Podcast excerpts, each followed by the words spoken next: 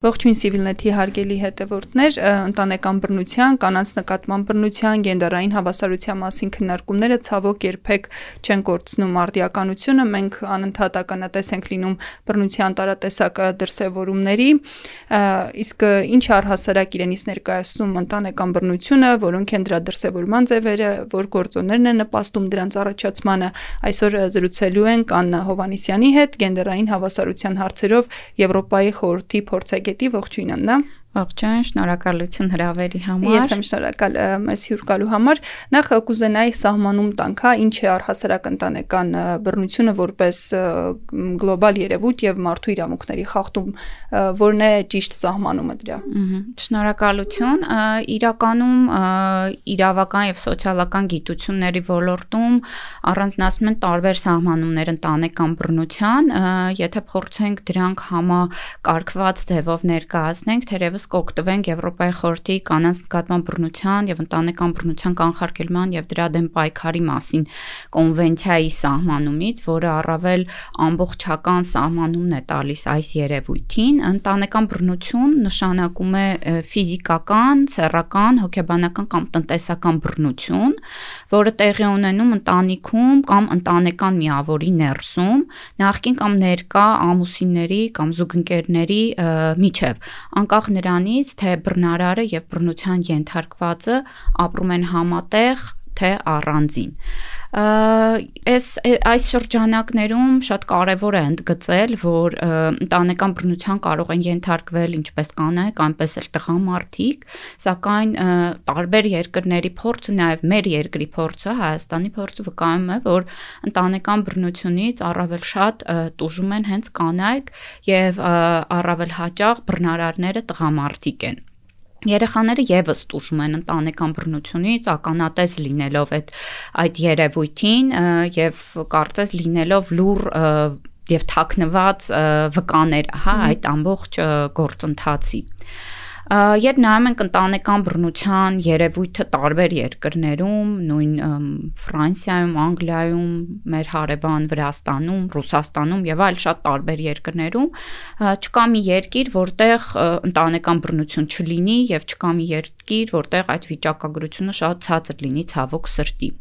համաձայն ՄԱԿ-ի բնակչության հիմնադրամի ամբողջ աշխարհում ամեն երրորդ կին իր կյանքի ընթացքում ենթարկվել կամ ենթարկվում է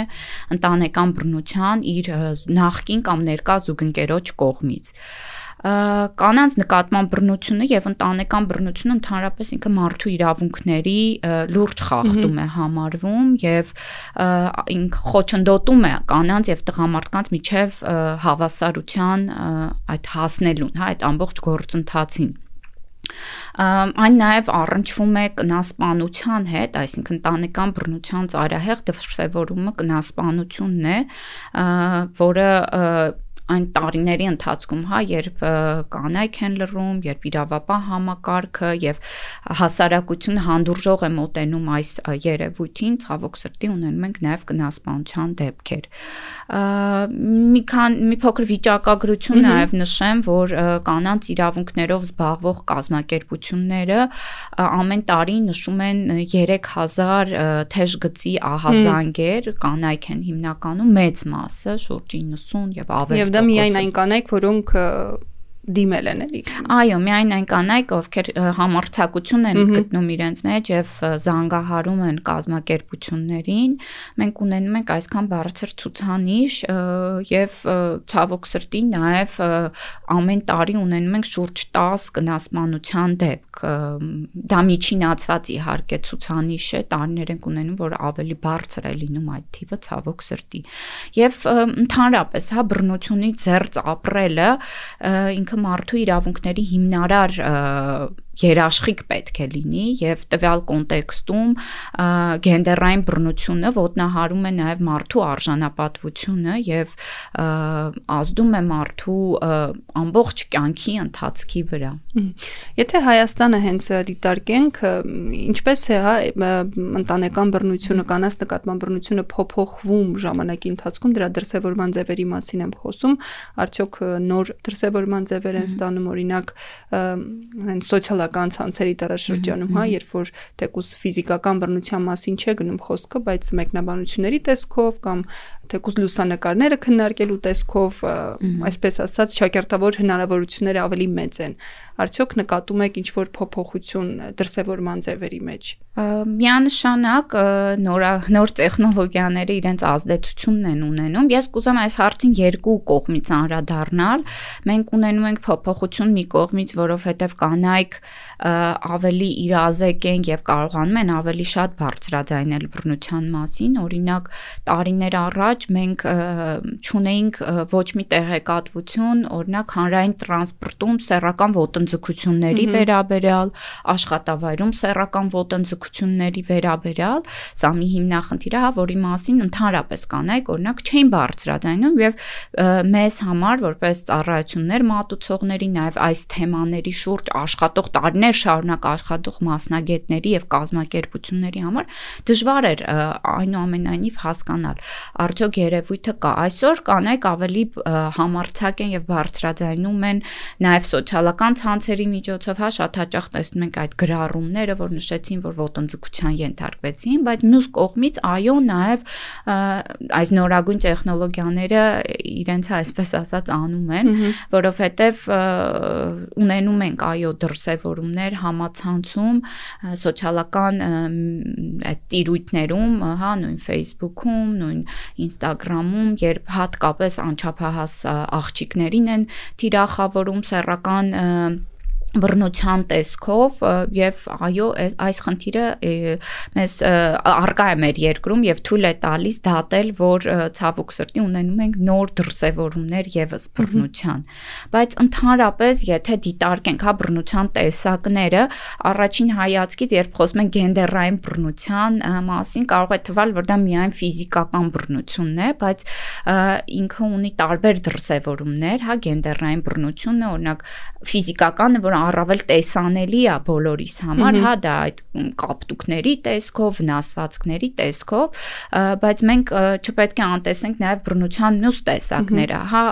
հոգեբանական բռնությունը, որը ընդհանրապես տեսանելի կարող է չլինել, հա, չնայած որ ինքը եւս մասնագետները առանձնացնում են հստակ ցուցիչներ հոգեբանական բռնության, կարող է լինել սեռական բռնության տեսքով, հա, որը եւս անհանգստացնող միտում ենք նկատում, հա, մեր երկրում ընտանիքի ներսում սեռական բռնության դրսևորումների մասին, վերբալ բռնությունը, հա, որը ավելի խոսքային եւ այդ նվաստացումների տեսքով է արտահայտվում եւ վերջին տեսակը դա սոցիալ տնտեսականն է, հա, որը ավելի այդ տնտեսական կախվածության մեջ է դնում բռնության ենթարկվածին ենթարկողից։ Եկեք փորձենք տան նաեւ գենդերային բռնության սահմանումը, հա, ինչ է իրենից ներկայացնում եւ որն է դրա պատճառը, կան արդյոք այստեղ նաեւ ազգային մշակութային առանձնահատկություններ Հայաստանի մասին ենք երբ խոսում, արդյոք մեր ազգային մտածելակերպը որևէ ձև նպաստում է դրա դրսևորումները դրսևորումների ստանալուն։ Գենդերային բռնություն նաև անվանում են կանանց նկատմամբ բռնություն, որովհետև հենց կանանց շրջանում է տարածված գենդերային բռնությունը,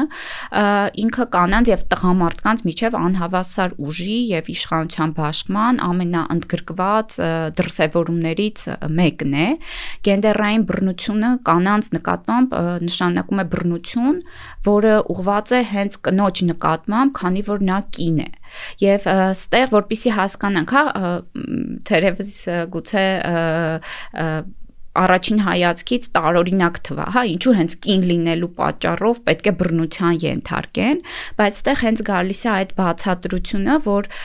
նաև մեր հասարակությունը հանդիսանալով հայրիշխանական հասարակություն, մեզ մոտ այ այ այս ուժը եւ իշխանությունը, հա, որ մենք փոքր տարիքից հենց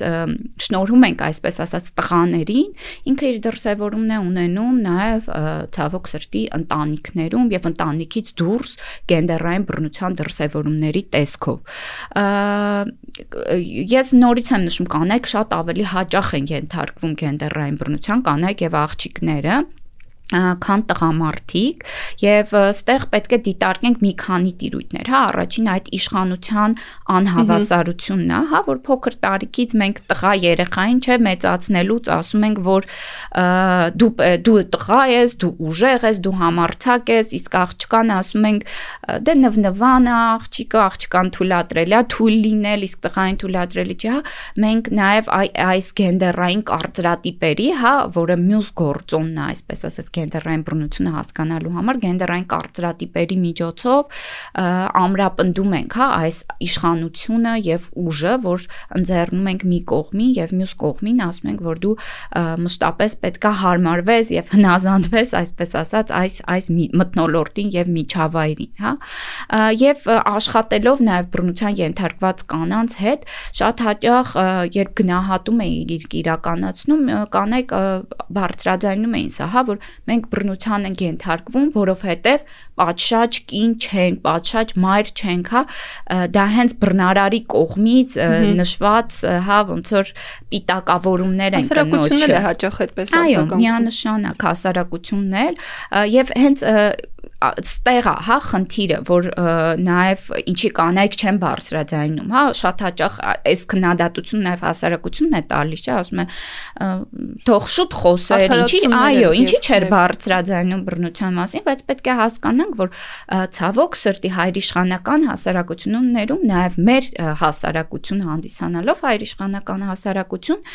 շարունակում ենք առաջնորդվել այս մտածելակերպով, հա, որ մարդու ծեծած, վարդի ծեծած կամ եթե ծեծում է, ուրեմն սիրում է, հա։ Այս մտածելակերպը, որ ունենք, հա, կարծրատիպային մտածելակերպը ցավոք սրտի կանխորոշ է նաև գենդերային բռնության բարձրաձայնման, հա, տեսանկյունից կամ շատ հաճախ նաև սոցիալական մեդիայում տեսնում ենք, հա, դեպքի մասին եւ երբ բացում ենք տակի մեկնաբանությունները, իսկապես սարսափեցնում է դա, հա։ Բոլորը միանշանակ մեղադրում են բռնության ենթարկվածին եւ արդարացնում են բռնարարին։ Սա հատկապես շատ սուր է նկատվում սեռական եւ ընտանեկան բռնության դեպքերով, հա որ ինչ էր հակել կամ հաստատ պատշաճ վարկ չի դրսևորել, հա։ Սա սա շատ կարևոր է հասցեագրել եւ մշտապես աշխատել նաեւ այս ուղղությամբ, որ անկախ ամեն ինչից բռնության ենթարկված մեղավոր չէ բռնության համար եւ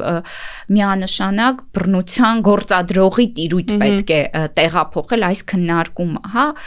կենտրոնացնել բռնարարի շուրջ քննարկումները եւ ոչ թե ինչ էր արել զոհը։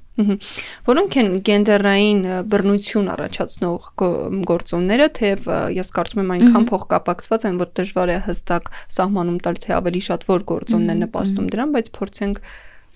դե չկա մեկ գործոն, իհարկե հասկանում ենք, հա, գործոնները շատ բավականին շատ են եւ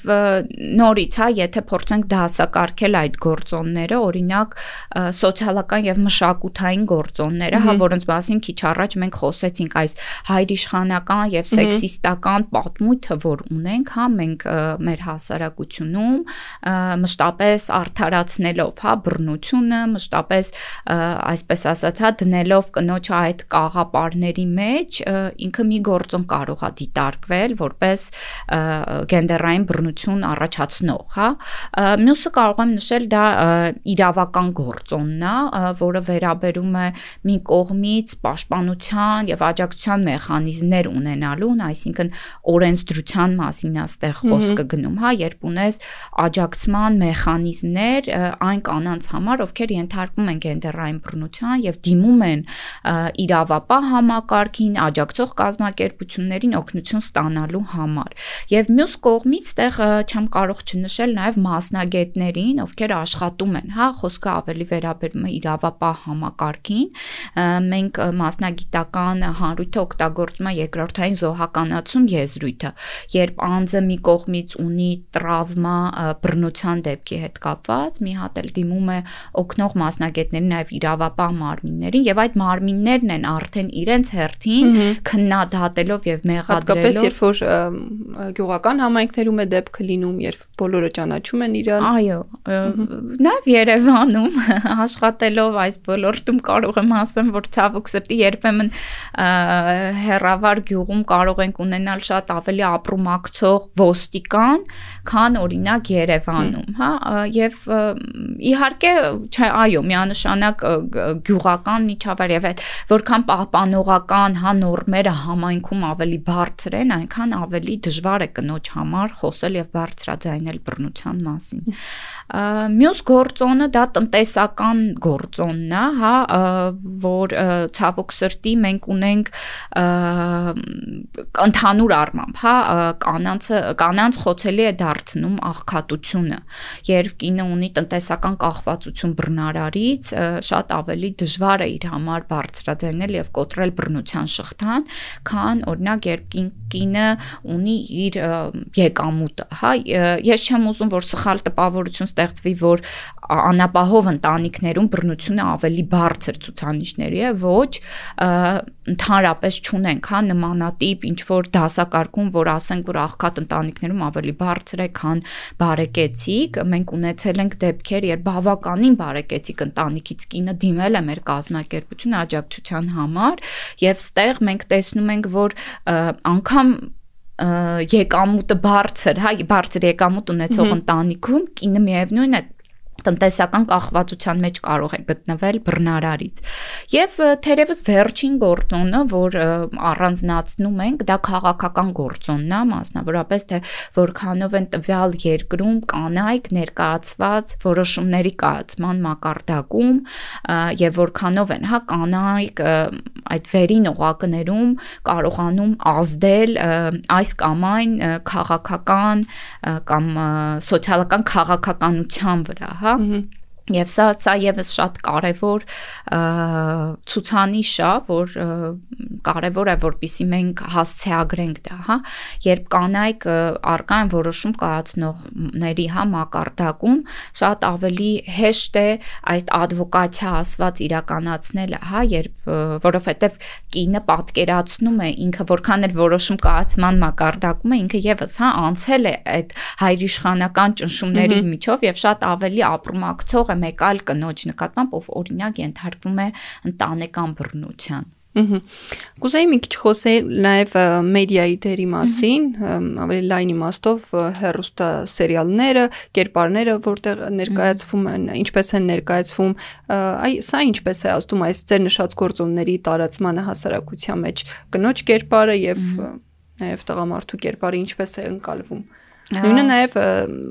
դպրոցի դեպքում, կրթության դեպքում, դասագրքերի օրինակների դեպքում միանշանակ ազդում է, որովհետև սոցիալականացման տեսանկյունից մեդիան եւ հերոստատեսությունը եւ նաեւ հա հեքիաթները օրինակ իրանք շատ ուժեղ սոցիալականացման գործակալներ են համարվում այսինքն փոքր տարիքից երբ հերոստացույցը թվում է թե ոչ մի վտանգ չենք տեսնում հա հերոստացույցը միացրած է մեր 4 տարեկան 3 տարեկան օրինակ երեխան նստած խաղում է մենք էլ հերոստա սերիալն ենք նայում որտեղ օրինակ կնոջ նվաստացման կնոջ արժանապատվությունը ոտնահար հարման ինչ որ մի դրվագ է, հա, ներկայացվում։ Առաջին հայացքից կարող է թվալ դե սա մեր կյանքից է, շատ լավ է, որ հերոստատեսությամբ սա բարձրաձայնում է, բայց իրականում ինքը բավականին վտանգներ ունի իր մեջ, սոցիալականացման այդ գործընթացը նոր սկսած հանուն երեխայի տեսանկյունից։ Ինքը տեսնում է, որ կնոջը ծեծելը դա նորմալ է, նորմալիզացված է, այսինքն գլխավոր հերոսը, որին բոլորը սիրում են, ինքը ծեծում է իր կնոջը ու դա ընդունելի է, դա նորմալ է, դա փորձելու է կրկնօրինակել այդ Հա, որովհետև առաջինը այդ հերոսը պատիժ չի կրում որպես կանոն, հա, երկրորդը կինը մշտապես հաշտեցման այդ գործընթացն է, որը նաև շատ խնդրային է նորից ընտանեկան բռնության տեսանկյունից։ Մենք ունենք նաև հաղորդում հաղորդաշարեր, որոնք իրական կյանքերի վրա են, հա, ես չեմ ուզում մատնանշել անունները հիմա, բայց ունենք հաղորդաշար, որը մարդկանց իրական կյանքը բերում է եւ թոք շոուի մակարդակով քննարկման առարկա է դարձնում։ Ստեղ մասնագիտական տեսանկյունից շատ-շատ լուրջ խնդիրներ ունեն կոնֆիդենցիալության կամ գաղտնիության պահպանման տեսանկյունից, անձի անձնական տվյալների, նաեւ նաեւ երեխաների հա ներգրավվածությունը այնտեղ շատ հաճախ լինում այս այս ամեն ինչը շատ կարևոր է որ հասցեագրվի։ Եվ նման հաղորդումները նաև կաշկանդում են մյուս զոհերին իրենք թեկուզ դիմելուց որևէ իրավապահ մարմնի կամ կազմակերպության հենց այդ օրինակն էլ բերում են որ նշանակ պետք է այդպես դառնանք։ Եվ որովհետև նաև այդ ծաղրը կա, հա, ծաղրում ենք մենք հասարակության շատ անդամներ ծաղրում են բռնության ենթարկված կնոջը, հա, եւ մշտապես այ այս նորմալիզացնելն է, էլի որ դե նորմալ է որ բռնության է ենթարկվում։ Ցավոք սրտի մենք շարքային, չգիտեմ, բանվորից, տաքսու վարորդից միջև վերևի օղակներ հանուն ոստիկանություն, քնչական մարմիններ ունենք այս բռնությունը նորմալիզացնելու միտումը։ Դե լավ, ոչինչ, մի հատ է ապտակեց, ինչա որ։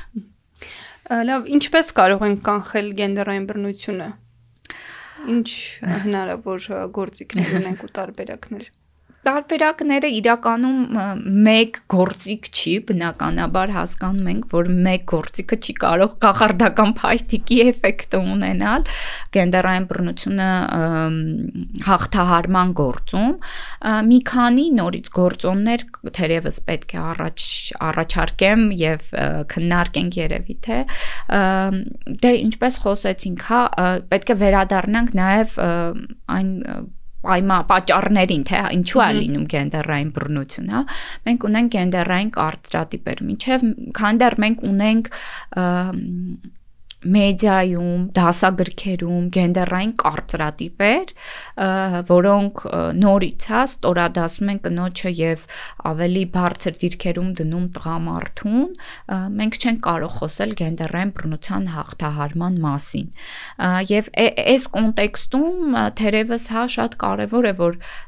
ավելի փոքր տարիքից, հա, խոսվի հավասարության մասին, խոսվի մարդու իրավունքների մասին, արժանապատվության, առողջ հարաբերությունների մասին, իհարկե հաշվի առնելով յուրաքանչյուր տարիքային խմբի առանձնահատկությունները, հա, բնականաբար 5 տարեկան երեխայի հետ մի ձև է պետք խոսել հարգանքի մասին, 15 տարեկանի հետ մի ձև։ Եվ շատ կարևոր է նաև այս գենդերային հավասարության ուղված առհասարակ ծրագրերը եւ գործողությունները, հա, եթե տենց գլոբալ դիտենք իրականացնելը, քանի որ իսկապես, հա, մենք հասկանում ենք, որ քան դեռ մենք ճունենք այս իրական հավասարությունը, մենք չենք կարող խոսել բռնության հաղթահարման մասին։ Մյուս կարևոր գործոնը հաղթահարման գործընթացում դա մասնագետներն են, որ կարողանան աջակցել, տեղում լինեն,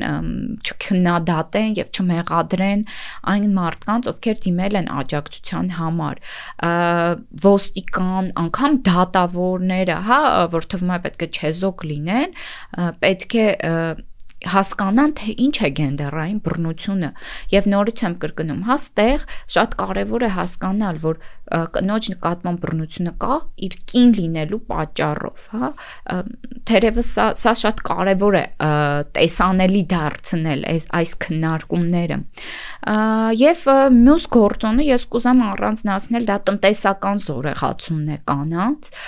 որը եւս շատ կարեւոր մի գործիք կարող է լինել գենդերային բռնության հաղթահարման գործում երբ աշխատում ենք կանանց հետ շատ հաճախ հենց այս տեսակետն է գալիս հենց կանանցից որ ես պատրաստ եմ կոտրել բռնության շղթան բայց ես վախենում եմ այն տնտեսական հետևանքներից որ դա կարող է ունենալ հա երեխաների դաստիարակման հարցում հա ինքնուրույն նոր կյանք սկսելու տեսանկյունից եւ ստեղ շատ կարեւոր է որ լինեն ընտանեկան բռնության ենթարկված անձանց տնտեսական զորեղացման ծրագրեր, որոնք նաև հնարավորություն են տալիս եւ աջակցում են կանանց կոտրելու բռնության շղթան։ Եվ մեր զրույցը ամփոփելով ի վերջո ինչ պետք է անի պետությունը, որովհետև այս խնդրին սովորաբար ավելի աջակից կամ ավելի ներգրաված են լուծելու հասարակական կազմակերպություններ, այսինքն պետական մակարդակով ինչ պետք է արվի։ Արդյոք բավարար է ինչ արվում է։ Իհարկե բավարար չի, քան դեռ մենք ունենք ընտանեկան բռնության եւ գենդերային բռնության ենթարկված get 1 տուժող, կարող եմ ասել, որ բավարար չեն մեր ջանքերը պետության տեսանկյունից թերևս պետությունը ունի պարտավորություններ, հա, ապահովելու բռնությունից զերծ միջավայր իր քաղաքացիների համար եւ նաեւ գենդերային բռնությունից զերծ։ Եվ այս տեսանկյունից ես թերևս ասացի ամփոփեմ երևի թե որ շատ կարեւոր է իրավական դաշտը։ Մենք չնայած ունենք ընտանիքում բռնությունների կանխարգելման եւ ընտանիքում բռնության վերաբերյալ օրենք, հա, բայց օրենքը ունի բավականին խնդրային դրույթներ եւ հասցեականության տեսանկյունից շատ կարեւոր է որ բարելավվի օրենքը մենք ունենք աջակցող ծառայություններ, որոնք վերջին տարիներին պետական աջակցություն են ստանում մասնակի, ապաստարանի մասին է խոսքը, իսկ ցերեկային կենտրոնները հա ստանում են ամբողջական աջակցություն պետության կողմից։ Շատ կարևոր է, հա, որ այս կենտրոնների մասին շարունակակար իրազեկում տեղի ունենա նաև պետական մակարդակով կարևորը կրթել եւ վերապատրաստել մասնագետներին տարբեր երկրների փորձը որ նայում ենք որտեղ ընտանեկան բռնության դեմ պայքարը ավելի համակարգված է իրականացնում, պարտադիր դասընթացների շարքում է քննիչների, ոստիկանների, սոցիալական աշխատող, հոգեբանների համար, թե ինչպես աջակցել եւ ինչպես աշխատել գենդերային բռնության ենթարկված անձի հետ։ Մեր երկրում դեռևս ցավոք սրտի ճունենք այդ համատարած մոտեցումը, հա, որ այն քննիչը կամ այն ոստիկանը կամ այն սոցիալական աշխատողը զոհականացնում է գենդերային բռնության ենթարկված անձին, տեղ չունի այս համակարգում։ Ասում ենք դե լավ, ոչինչ, չգիտեր երևի, դե ոչինչ, լավ, դատավոր է ինքը, հիմա կարա տենց բանել ասի։ Իրական նաև այս ոլորտում պետությունը շատ անելիքներ ունի եւ կրթելու եւ կարծրատիպերի դեմ աշխատանքում, հա, այ խոսեցինք սերիալներ, որ ընդհանրապես այս դաշտը համակարգված չի պետության կողմից, կրթության ոլորտ, դասագրքեր, քանդեր, հա, ես նորից եմ գրկում ենք ունենք այ այս նաև հեքիաթները, հա, մեր հեքիաթերում մշտապես կանայք այն пассив բռնության ենթարկվածի դերում են այսպես ասած եւ գալիս է տղամարդը փրկում է կնոջը հա այս այս մտածելակերպը առաջին հայացքից թվում է որ ոչ մի վտանգ իր մեջ չունի բայց սոցիալականացման տեսանկյունից ինքը կարող է ունենալ իր ազդեցությունը նաեւ երեխայի մտածողության վրա հա որ ամուսինս պետք է ինձ մշտապես փրկի, աջակցի եւ եթե բռնության անգամ կենթարկում, ես պետքա դա լուր համակերպեմ դրա հետ, որովհետեւ դա նորմալ է։ Բոլորը են կենթարկում, իմ մայրն էլ է կենթարկվել, մեր հարևանն էլ է կենթարկվում, հա։ Խոսքը նաեւ սրա մասին է։ Շնորհակալ եմ շատ։ Հարգելի հետևորդներ, հիշեցնեմ իմ զրուցակիցն էր գենդերային հավասարության հարցերով Եվրոպայի խորհրդի փորձագետ Աննա Հովանիսյանը։ Ցտեսություն։